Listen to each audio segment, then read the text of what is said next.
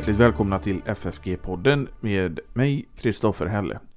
Och Torbjörn, idag så ska vi få lyssna på ett föredrag av dig. Ja. Och det är från eh, fakultetens dag tidigare i höstas. ja, det stämmer. Vad är rubriken på ditt föredrag? Rubriken är att frukta Gud utan att vara rädd.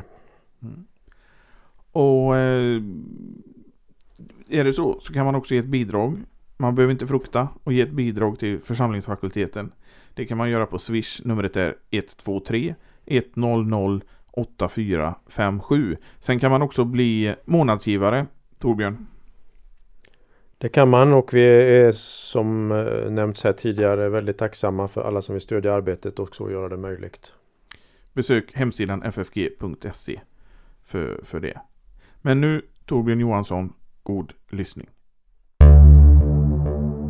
Då har vi kommit fram till ett föredrag med titeln Frukta Gud utan att vara rädd. Om Guds fruktan i bibel och bekännelse. Utgångspunkten blir ju Luthers förklaring till det första budet. Vi ska frukta, älska och förtrösta på Gud över allting. De som har varit med här eh, också under förmiddagen och tidigare här nu på eftermiddagen har vi blivit påminda om vilken oerhört central plats som det första budet har i Luthers tänkande. Han kan säga så här. Det första budet är huvudstycket i hela vår kristendom. Det är trons källbrunn. Och då tänker Luther på det budet eh, som vi har i den ny, nya översättningen där det finns med Jag är Herren din Gud. Du skall inga andra gudar ha vid sidan av mig. Och hur centralt eh, Luther tänker kring detta, det han kan uttrycka sig eh, som vanligt eh, tillspetsat.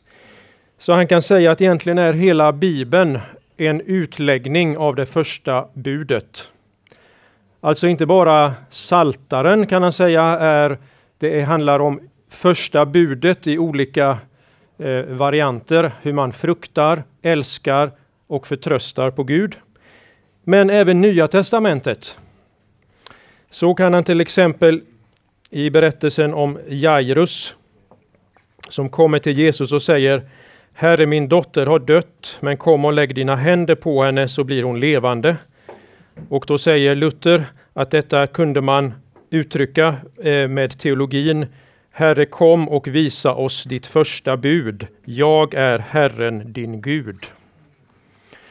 Så att detta att man förtröstar på Herren Jesus är också ett uppfyllande av det första budet. Och då är det intressanta som vi nu har hört att Luther ställer alltså nu första budet med de tio buden först i katekesen. Han ändrar den medeltida ordningen. Så det första en människa möter i den här presentationen av så att säga, detta är kristen tro är första budet. Det är så att säga portalen som hon får gå in i när hon ska upptäcka vad är kristen tro. Jag är Herren din Gud. Människan blir tilltalad.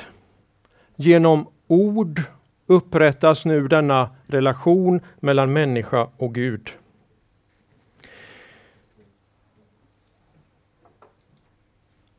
När Luther då till detta första eh, bud väljer tre verb, vad det här betyder.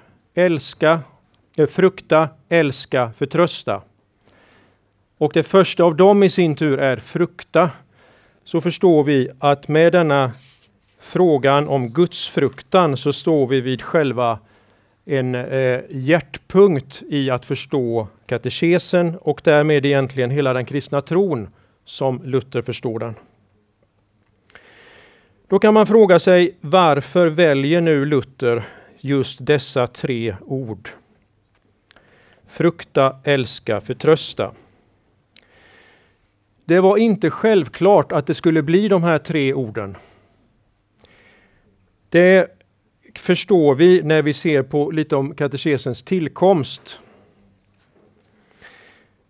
Vi har varit inne på det tidigare här eftermiddag, men jag skulle vilja nämna några aspekter till på det. Det var ju så att Luther gjorde olika sammanställningar av kristen tro genom att sammanfattar den i huvudstycken, liksom kateketiska arbeten kan vi säga, utan att det kallades för Lilla katekesen.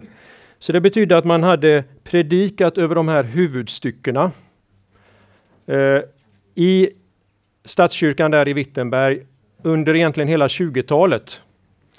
Och det var Bogenhagen som var kyrkoherde som hade ansvar för detta. Luther fick ibland rycka in som Bogenhagens vikarie.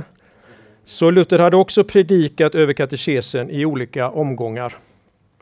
Och när vi kommer till år 1528 så predikar Luther inte mindre än tre gånger i olika serier, alltså tre predikoserier över katekesen i Wittenbergs stadskyrka. Detta ägde rum i maj, september och i november, december, månadsskiftet där började. Om man nu tittar på de här tre serierna så inleds alltså varje serie med en predikan över det första budet. I de två första serierna, den från maj och den från eh, september, så trycker Luther väldigt mycket på att förtröstan är det som uppfyller det första budet. Det här har vi avspeglat i Stora katekesen. Där har Luther det berömda, det sin berömda Guds definition. Han säger att den, det som ditt hjärta förtröstar på är din Gud. Hjärtats förtröstan gör både Gud och avgud. Så att när Gud säger du ska inga andra gudar ha vid sidan av mig och här, man förtröstar på Herren så är det förtröstan som är särskilt det han trycker på som uppfyllandet av det första budet. Så är det också i de här predikningarna, liksom i Stora katekesen. Men när vi kommer till den tredje predikoomgången eh, som börjar i slutet av november. Då kommer en ny aspekt in. Luther betonar väldigt mycket att vi ska frukta Gud.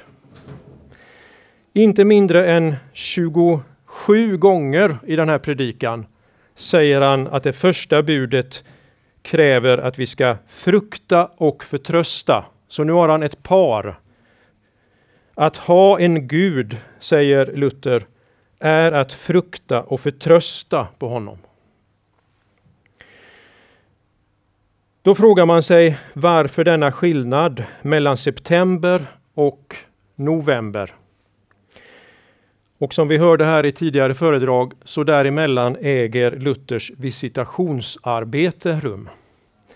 Han blir utsedd i augusti att eh, delta i det här visitationsarbetet. Man reste alltså runt i församlingarna i Sachsen. Och han är mitt uppe i detta, eh, för det börjar inte då utan det börjar efter den här septemberomgången. Så han har rest ut där i oktober och är nu mitt i det när han håller sin predikan, den här tredje. Han har nämligen sett saker ute i församlingarna som har gjort honom mycket eh, nedstämd.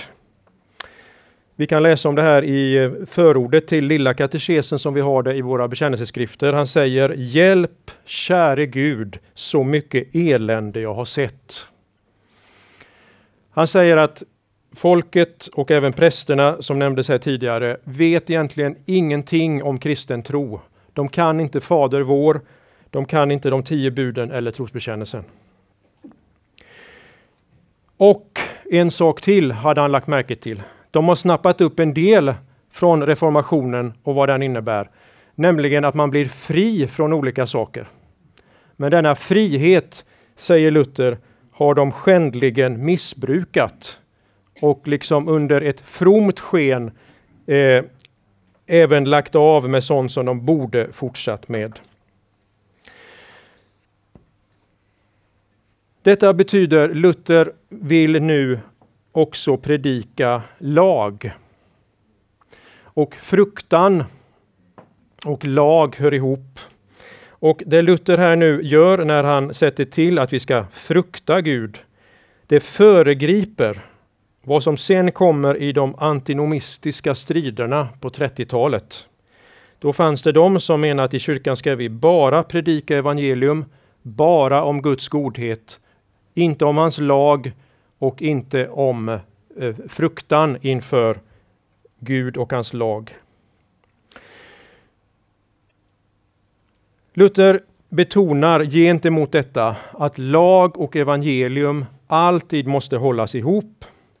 Och han säger att det finns ingenting som är så väl förenat och hophållet som fruktan och tro, synd och nåd, lag och evangelium. Men det är intressant att lägga märke till att nu kommer ordet frukta in på grund av Luthers erfarenheter. Det är alltså katekesen växer fram under ett väldigt eh, dynamiskt skede här i kyrkans eh, liv. Luther iakttar, han reflekterar, han tänker och så får katekesen sin utformning. Nu finns det ju ett antal andra orsaker när vi frågar varför väljer han just de här tre? Men det här var en sak som han upplevde. Men sen var det också som vi ska eh, inskärpa att Luther var ju professor i Gamla Testamentet. Och Gamla Testamentet ligger liksom hela tiden väldigt nära honom. Och vad hjärtat är fyllt av, det talar munnen. Eh, han börjar sedan i februari, alltså Lilla katekesen trycks någon gång mellan januari 1529 och mars 1529. Vi vet inte exakt när, men där är det i alla fall. Och den 21 februari 1529, alltså mitt i det här, vi vet inte exakt förhållandet, men då börjar Luther en ny predikoserie över femte Mosebok. Och även om katekesen skulle kommit i januari så är det mycket möjligt att Luther hade det här i åtanke nu, sin predikoserie över femte Mosebok. Och det finns nämligen saker i femte Mosebok som gör att det är väldigt naturligt att sammanfatta den kristna reaktionen inför lagen i frukta och älska. Som vi ska komma till strax. För övrigt kan man här lägga märke till eh, att Luther predikade under det här året 1528 190 eh, gånger. Det är alltså mer än varannan dag. Och eh, mycket av det var, som de säger i, i USA, recycling. Eh, han hade samma eh, huvudtankar som man kunde formulera på olika sätt, men mycket av det var också nytt och det är ganska ofattbart hur, hur mycket han predikade. Den här serien nu över femte Mosebok sätter oss på spåren. Och jag tänkte nu att vi ska gå till skriften och se hur där ihop med de tio buden vad man kan finna. Så antingen man har en bibel framför sig eller inte så tänker jag peka på några ställen nu där ordet frukta kommer i femte Mosebok ihop med att de tio buden anges laggivningen återges. Och då är vi i femte Mosebok kapitel 5 till och med 11. Det här avsnittet är väldigt centralt och viktigt. Det återger alltså Sinai-händelsen när Israel får ta emot genom Mose då sin lag från Herren. Och i de här kapitlen, det kan ni själva sedan om ni vill hemma se på, kapitel 5 till 11, så kan man räkna hur många gånger kommer ordet frukta här och hur många gånger kommer ordet älska. Och det kommer, bägge dessa finns med och jag ska nu ge några exempel. För att när vi bara ser ett begrepp, vi ser begreppet fruktan, så har det liksom en, en vidd i sig. Det kan betyda väldigt mycket. Liksom älska kan betyda väldigt mycket. Och Det finns olika slags kärlek. Vi kan tänka föräldrar till barn. barn till föräldrar, syskon, mellan man kvinna. Att älska är liksom inget som betyder ett och samma i alla sammanhang. Och inte heller frukta, som kan vara allt från skräck och förfäran till vördnad och respekt och, och så. Så därför tänkte jag nu, ordet fruktan ska få liksom fyllas med innehåll genom att vi ser sammanhanget på några ställen här hur det används i Gamla testamentet. Så från katekesen till skriften.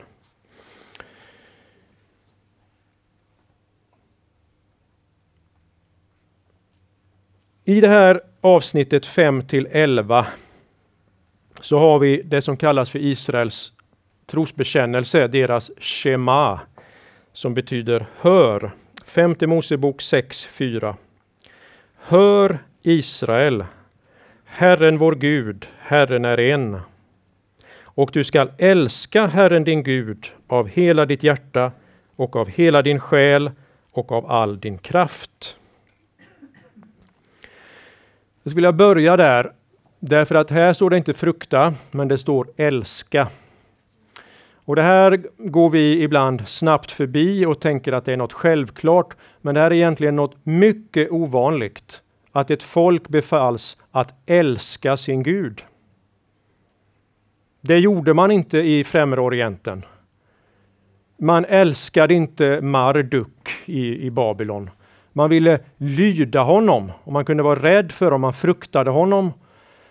Men man hade ingen sån här personlig att man skulle älska honom. Eller i antiken för den delen, Zeus eller andra antika gudar uppmanades man inte att älska. Men att lyda och, och, och stå under och på olika sätt. Så att Israel här kallas till att älska Herren är värt att stanna inför och att stryka under. Och älska kommer nu här att färga ordet frukta. När vi talar om frukta och älska så är det två begrepp som så att säga, färgar varandra. Och en kommentar här till femte Mosebok 5 till 11 att de här två paren kommer de står ofta inte sammanställda så här, utan det kommer frukta och det kommer älska, men det är ändå två begrepp som finns hela tiden i det här sammanhanget. De står så samman för att undvika å ena sidan en skräckfylld fruktan och å andra sidan en respektlös kärlek. De färgar varandra så att det undviks en skräckfylld fruktan respektive en respektlös kärlek. Och då ska vi se mer konkret. Kapitel 6, vers 2 står det så här, det sägs då till Israel. Du skall hela ditt liv frukta Herren så att du håller hans stadgar och bud. Det vill säga fruktan sätts här direkt samman med lydnad. Följden av denna fruktan ska bli lydnad för hans bud. Likadant har vi i kapitel eh, eh, 6, vers 13 till 15. Ja, inte likadant, det är inte lydnad, men 6, 13 till 15. Där sägs det att Israel ska inte ha andra gudar. De ska se till att Herrens vrede inte upptänds så att han utrotar dig från jordens yta. Här har vi alltså en, en annan aspekt, nämligen att Herren är nitälskande. Och det har med svartsjuka att göra, det här eh, verbet nitälskande. Kärleken som inte tål att det är någon annan. Svartsjuka skulle vi säga på svenska, men det, det, blir fel att översätta det så. Men det har med det att göra. Israel tillhör Herren och avgudarna är som en otrohet. Och då reagerar Herren på samma sätt. Och här beskrivs det som en vrede så att Israel skall frukta Herren och det har att göra med Herrens personliga förhållande till Israel. Inte som en princip utan som ett personligt förhållande, som ett kärleksförhållande. Och den här formuleringen som vi har nu, att de ska akta så att inte hans vrede upptänds mot dig, klingar i Luthers lilla katekes efter de tio buden, när han sammanfattar allt det som Daniel hade som 10 plus 1. Där kommer det igen att eh, där finns alla tre med, frukta, älska och förtrösta. Och då säger Luther så här. Gud hotar straffa alla som överträder dessa bud. Därför ska vi frukta för hans vrede så att vi inte bryter mot hans bud. Det är nästan en ordagrann eh, anspelning på det här, där eh, fruktan hör samman med lydnad mot Herrens bud. Kapitel 8, vers 6. Där befalls Israel att vandra på hans vägar och frukta honom.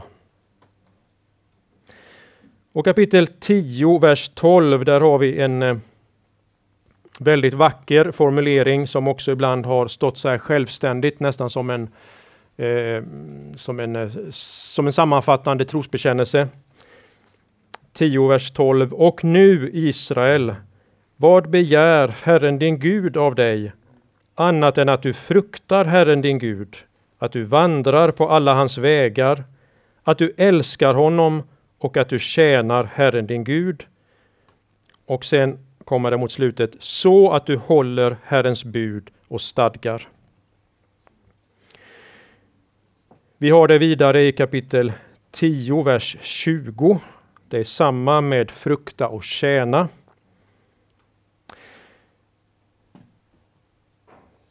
Och sen mynnar detta avsnitt ut i Herrens välsignelse eller förbannelse. Och det är viktigt att det finns med här i det här avsnittet. Herrens välsignelse eller Herrens förbannelse. Det sägs i kapitel 11, vers 26. Se, jag förelägger idag välsignelse och förbannelse. Välsignelse om ni lyssnar till Herren, er Guds bud, som jag idag ger er. Så det är egentligen här en tydlig bild som framträder. Att denna fruktan, det är att erkänna Gud som Gud. Erkänna honom som Herre, leva inför honom. Vi har det här uttrycket på latin, coram deo. Att leva sitt liv inför Gud. Inte dölja det, och att detta vara inför Gud leder till lydnad för hans goda bud.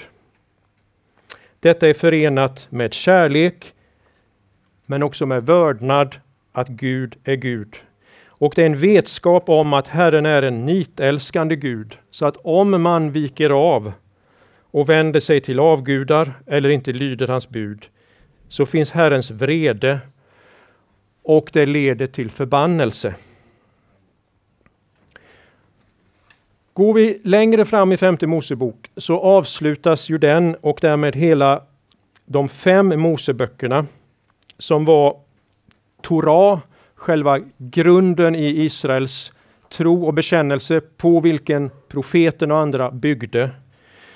Så avslutas det med ett avsnitt kapitel 27 till 30 om välsignelse eller förbannelse. Femte Mosebok kapitel 30, vers 19.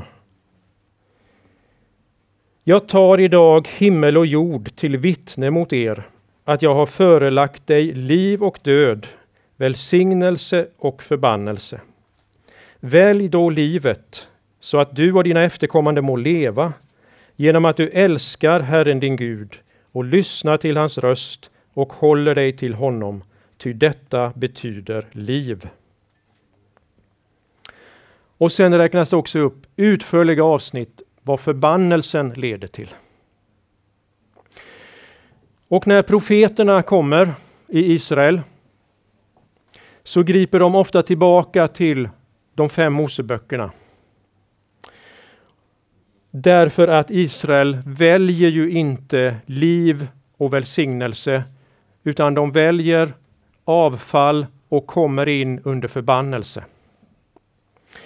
Och bara för att nämna ett ställe, det kanske mest kända, där Jesaja i inledningen, alldeles i öppningen till sin bok, har dessa majestätiska ord som griper direkt tillbaka på femte Mosebok 30, vers 19.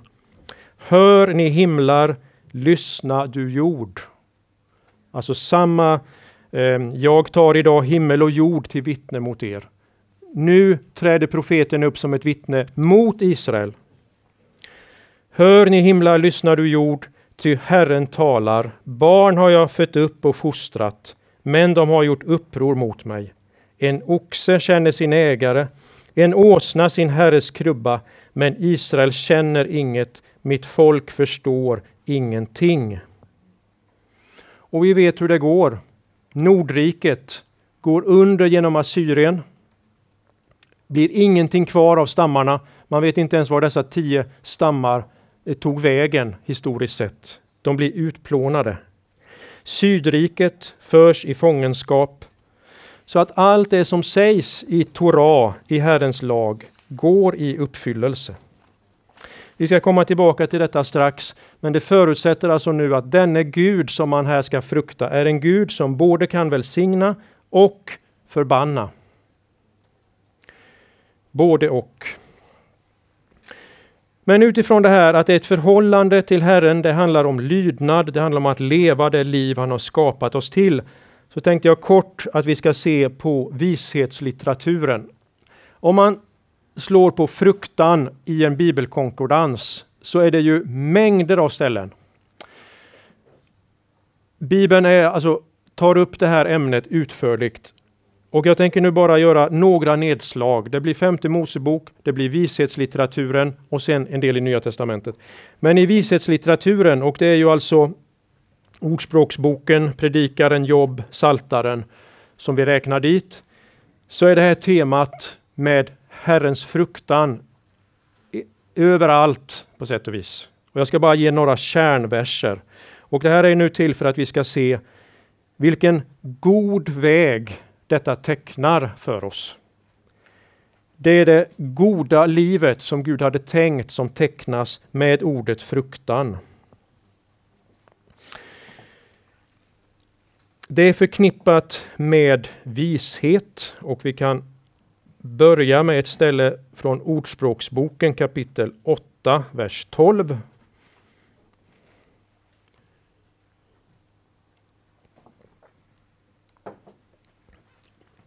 Jag, visheten, bor tillsammans med klokheten.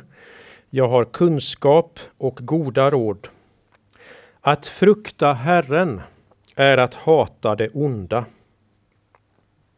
Högfärd, högmod, ett ont leverne och en falsk mun hatar jag. Så Herrens fruktan stå tillsammans med dessa goda begrepp, vishet, klokhet, kunskap. Det uttrycker också en relation som vi nämnde. Det har vi i Ordspråksboken kapitel 9, vers 10.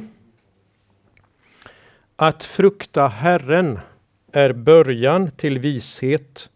Att känna den Helige är förstånd. Här har vi alltså en sån här hebreisk parallellism där man säger samma sak på två olika sätt. Och vi har det kanske mest berömda att Herrens fruktan är vishetens begynnelse, som det stod i de gamla översättningarna. Eller som här i folkbibeln, att eh, frukta Herren är början till vishet. Att känna den Helige är förstånd. Och det är samma här, vi kan tycka vi blir hemmablinda för detta. Men att känna Gud, så uttryckte man sig inte när det gällde andra gudar där i främre orienten eller i antiken.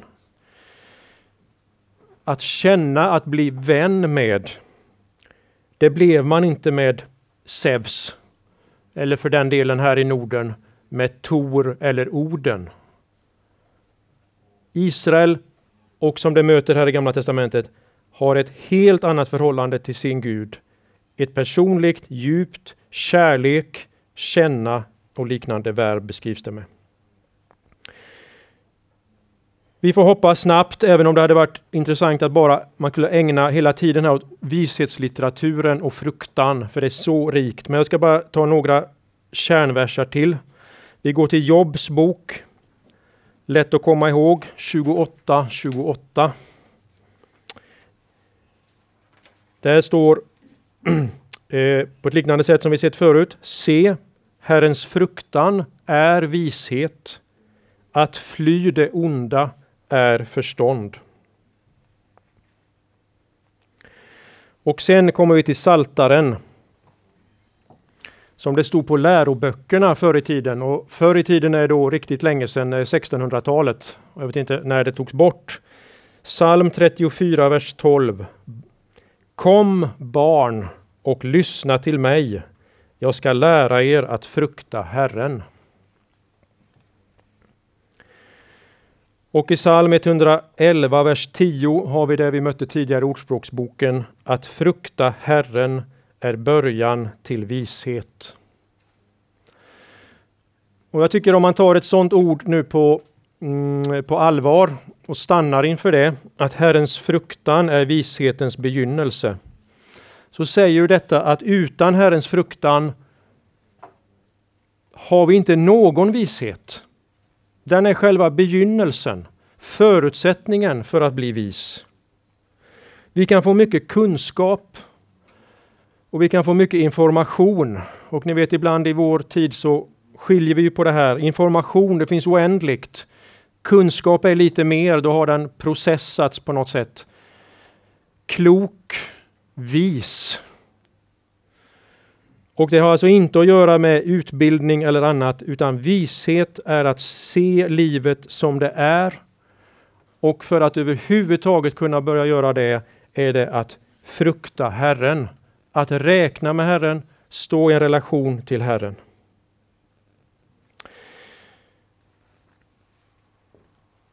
Den sista salta salmen jag tänkte nämna är 112, därför där kommer vi in på en tematik som vi sen ska fokusera eh, närmre. Psaltarpsalm 112 börjar så här. Halleluja, salig är den människa som fruktar Herren och har sin stora glädje i hans bud. Och sen kommer det längre fram, nämligen i vers 7. Han fruktar inte ett ont budskap. Hans hjärta är tryggt och utan fruktan. Till sist får han se sina fiender falla. Så då är vi inne på den här viktiga tematiken att fruktan för Herren ska driva ut annan fruktan. Så det sägs först, salig är den människa som fruktar Herren. Hans hjärta är tryggt och utan fruktan. Och med detta står vi ju inför det faktum att sedan Adams fall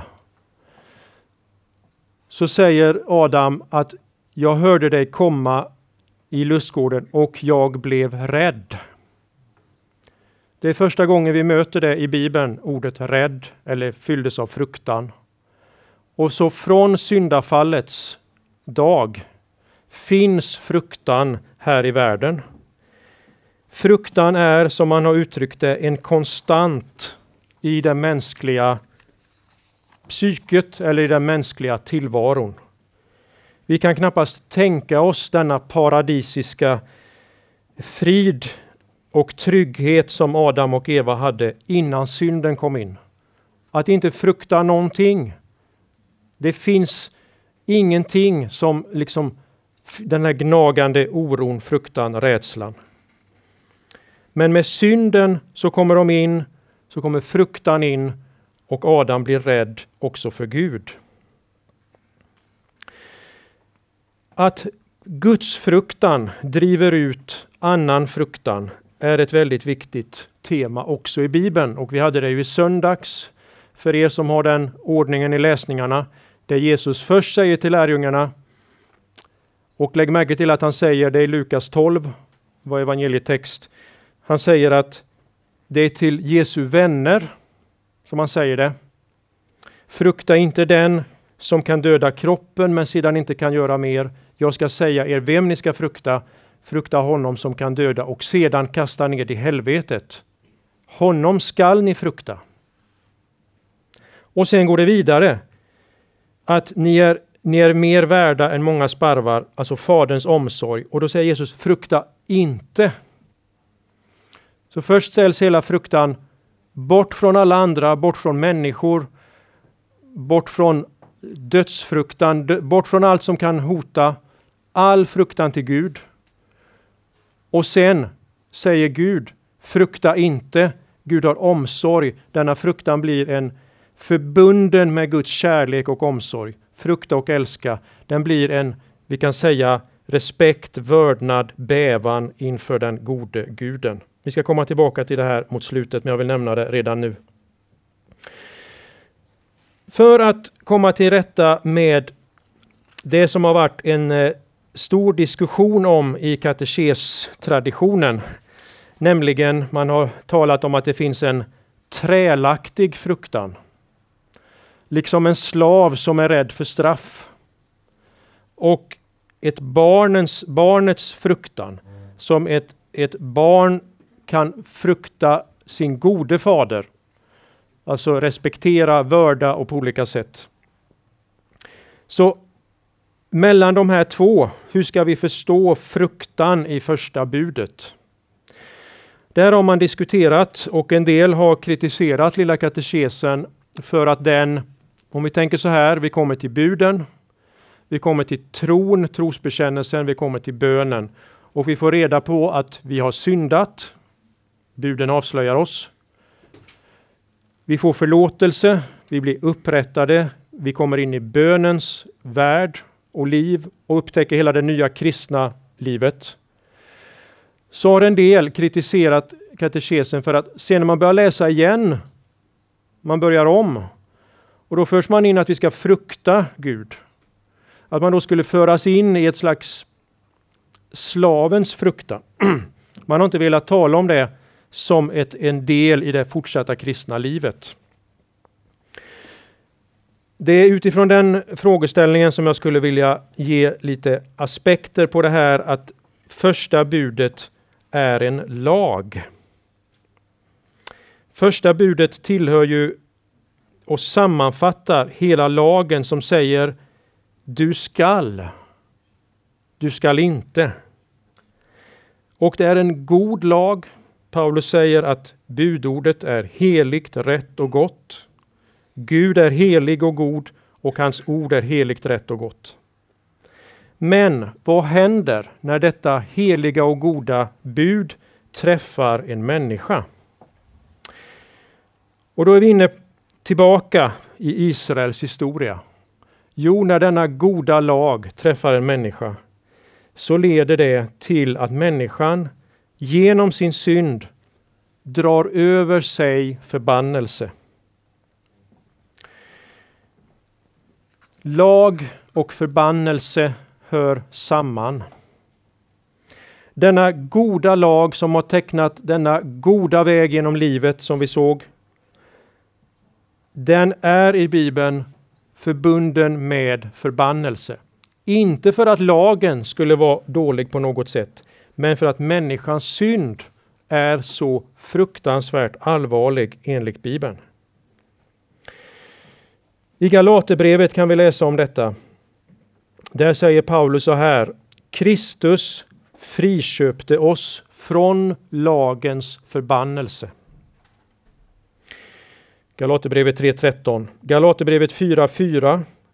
Kristus har kommit, född av en kvinna och ställd under lagen för att han skulle friköpa dem som stod under lagen och så skulle vi få söners rätt.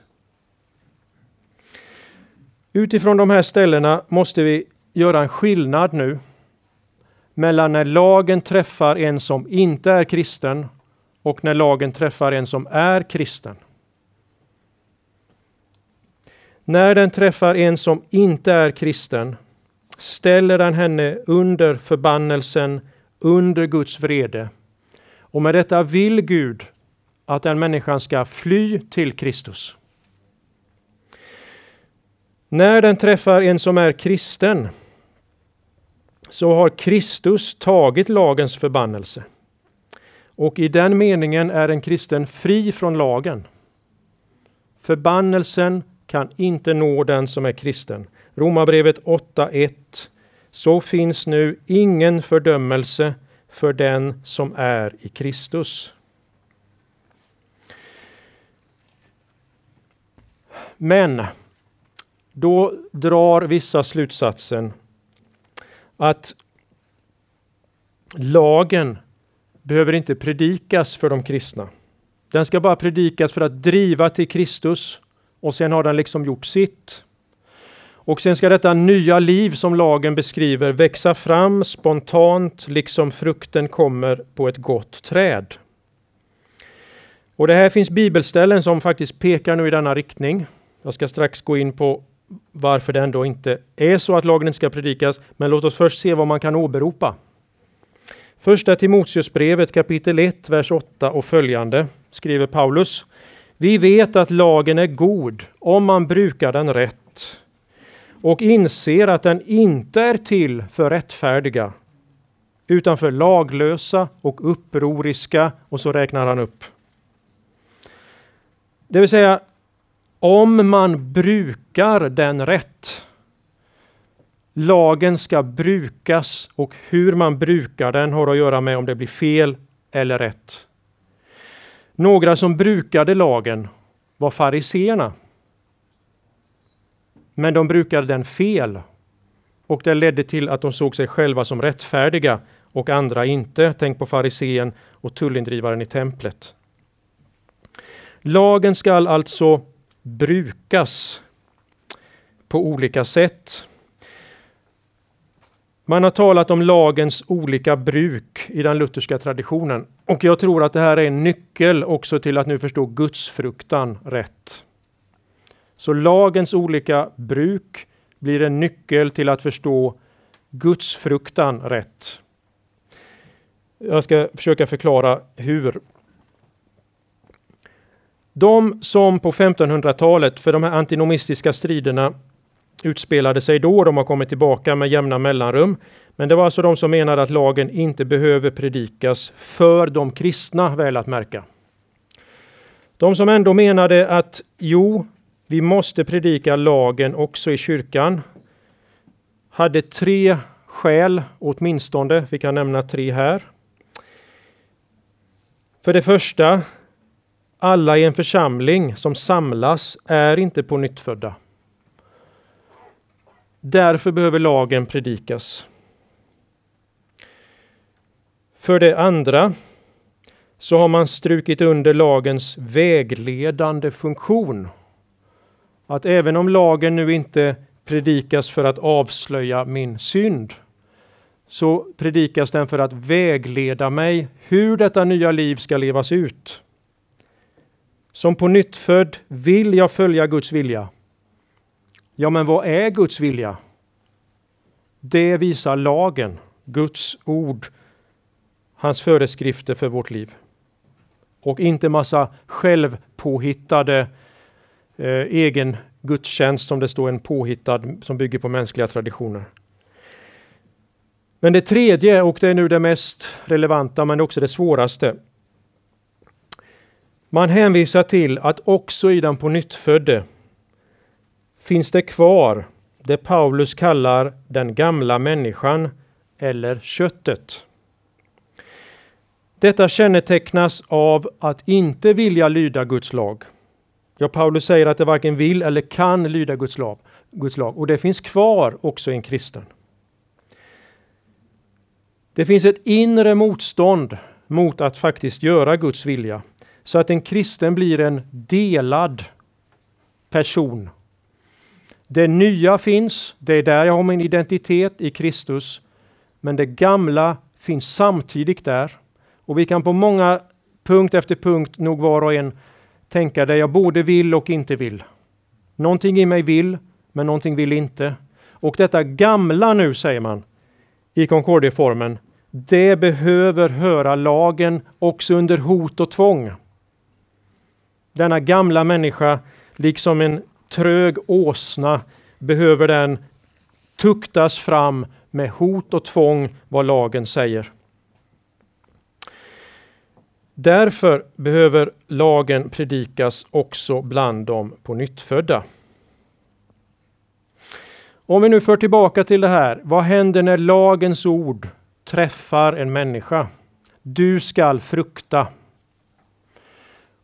Hos ett Guds barn så fylls hon av glädje att få tillhöra Gud. Hon tänker på Guds helighet, storhet och hans kärlek. Så denna fruktan hör samman med kärlek och förtröstan. Men den gamla människan misstror Gud, ser honom som hotfull, blir rädd för hans straff. Och därför så blir det också en liksom delad reaktion i en människa när hon ställs inför lagen. Och då är katekesens liksom lösning på detta att fruktan här hör samman med kärlek, förtröstan, så att den gamla trälaktiga fruktan ska bekännas, läggas av, föras över till kärlek, förtröstan och den i brist på andra ord får vi använda de här svenska respekt, vördnad, bävan, alltså det vi kan känna inför Guds storhet och helighet. Men det är inte en trälaktig fruktan. Hela det här resonemanget bygger nu på några viktiga nytestamentliga ställen som jag vill sluta med. Vi har några minuter kvar. Men jag vill nämna de här nytestamentliga ställena för de är liksom utifrån dem som vi kan bedöma katekesen, om den är en bra sammanfattning av kristen tro eller inte. Och då finns det två starka ställen i Nya Testamentet som verkligen stryker under att en kristen får vara trygg. Ja, det finns många mer, men i det här sammanhanget. Kapitel 8, vers 15 i Romarbrevet. Alla som drivs av Guds ande är Guds söner. Ni har inte fått slaveriets ande så att ni åter skulle känna fruktan. Nej, ni har fått barnaskapets ande i vilken vi ropar Abba, Fader. Anden själv vittnar med vår ande att vi är Guds barn. Här handlar det om frälsningsvisshet. Och det vet vi var också för Martin Luther och reformationen en utomordentligt viktig fråga. Att vi skall veta, vi ska, och kommer vi osäkerhet ska vi söka visshet i nådemedel och eh, söka oss till kyrkan, till Guds ord, för att få denna visshet. Så att vi inte har slaveriets ande och lever i fruktan. Och då kan man fråga sig, men vad har då det här nu vi skall frukta? Så läser vi vidare i Romarbrevet. Detta är inte enda stället där Paulus talar om detta. Vi kommer till kapitel 11. Där talar han om vinträdet och grenarna. Och eh, eh Romarbrevet kapitel 11. Där han talar om vinträdet och grenarna, han talar om äkta grenarna och de inympade grenarna. Och i kapitel 11, runt där vers 20, vi ska inte, hinner inte läsa hela men jag ska ändå läsa lite i sitt sammanhang.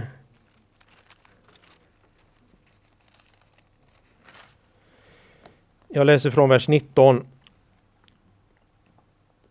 Nu invänder du kanske att grenarna bröts bort för att du skulle ympas in, alltså du som är hedning. Du har rätt. För sin otros skull bröts de bort, men du står kvar genom tron. Var inte högmodig, utan lev i fruktan. Ty om Gud inte skonar de naturliga grenarna skall han inte heller skona dig. Se här Guds godhet och stränghet hans stränghet mot dem som föll, hans godhet mot dig. Om du blir kvar i hans godhet, annars blir också du borthuggen. Det vill säga Paulus tal att man kan ropa Abba fader utan fruktan utesluter inte att man lever i fruktan som han beskriver det här, nämligen att man ser på Guds godhet och hans stränghet. Ett ställe som jag bara vill peka på som vi inte hinner ta upp nu, men det är att Paulus också i Romarbrevet 13 säger att vi ska frukta överheten. Och gör man det rätta behöver man inte frukta den. Men den som gör ont behöver frukta den.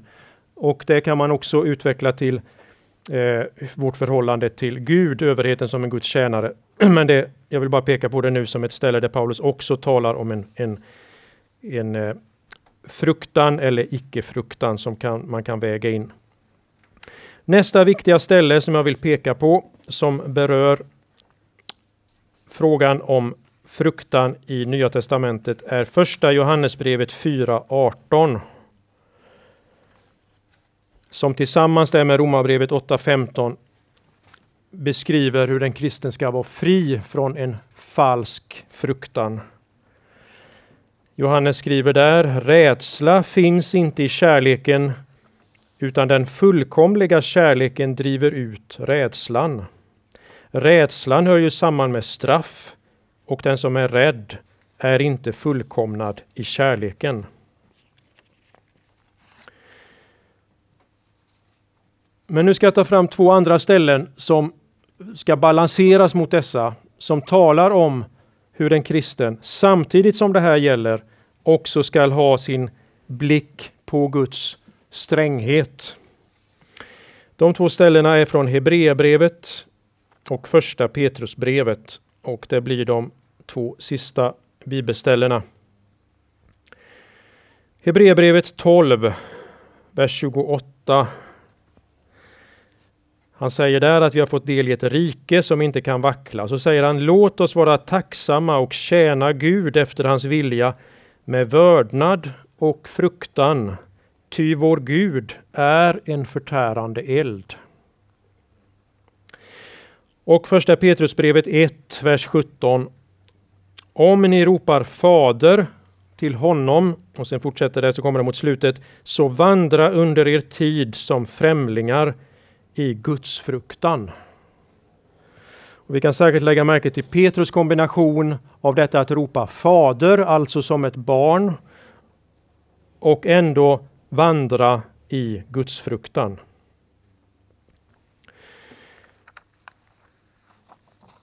Det som är svårt i det som vi nu kommer in på det här med den trälaktiga fruktan. Timor servilis och barnets fruktan, timor filialis. Det är ju att det är svårt för oss att i våra känslor liksom urskilja det ena eller det andra för att det är så blandat. Och det här var man väl medveten om också på Luthers tid och redan då kunde man tala om en timor mixtus. En blandad fruktan. Å ena sidan är det barnets eh, kär, liksom fyllt av kärlek men vördnad och respekt. Å andra sidan är det den rädslan för straff och allt det här som Johannes säger vi, vi inte ska fyllas av. Och Luther skriver i ett brev till Melanchthon att skilja fruktan för straff från fruktan för Gud är enklare att säga med ord och bokstäver än i verkligheten, i affekterna, känslorna. Detta överhuvudtaget att hjärtat, alla de här tre begreppen handlar ju om hjärtat. Frukta, älska, förtrösta. Det rör hjärtat. Och det är svårt att beskriva. Och Luther har en berömd bild där han skildrar hjärtat. Han jämför det med ett skepp på ett villande hav.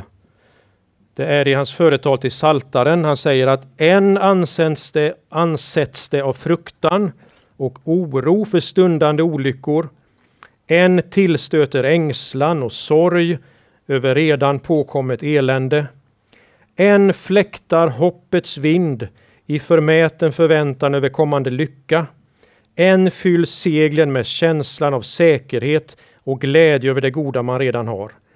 Sådana stormvindar får oss att tala allvar, att öppna hjärtat och blotta vårt innersta. Men vad är det mesta i saltaren annat än just sådant oförbehållsamt tal under alla slags stormar? Saltaren rymmer ju alla känslolägen. Och nu har vi fått den som en bönbok. Och eh, med den får vi också tänka nu i termer av en riktning. Och där vill jag avsluta med att peka på hur katekesen har en riktning. Vi tänker allt för statiskt. Men det är hela tiden en rörelse.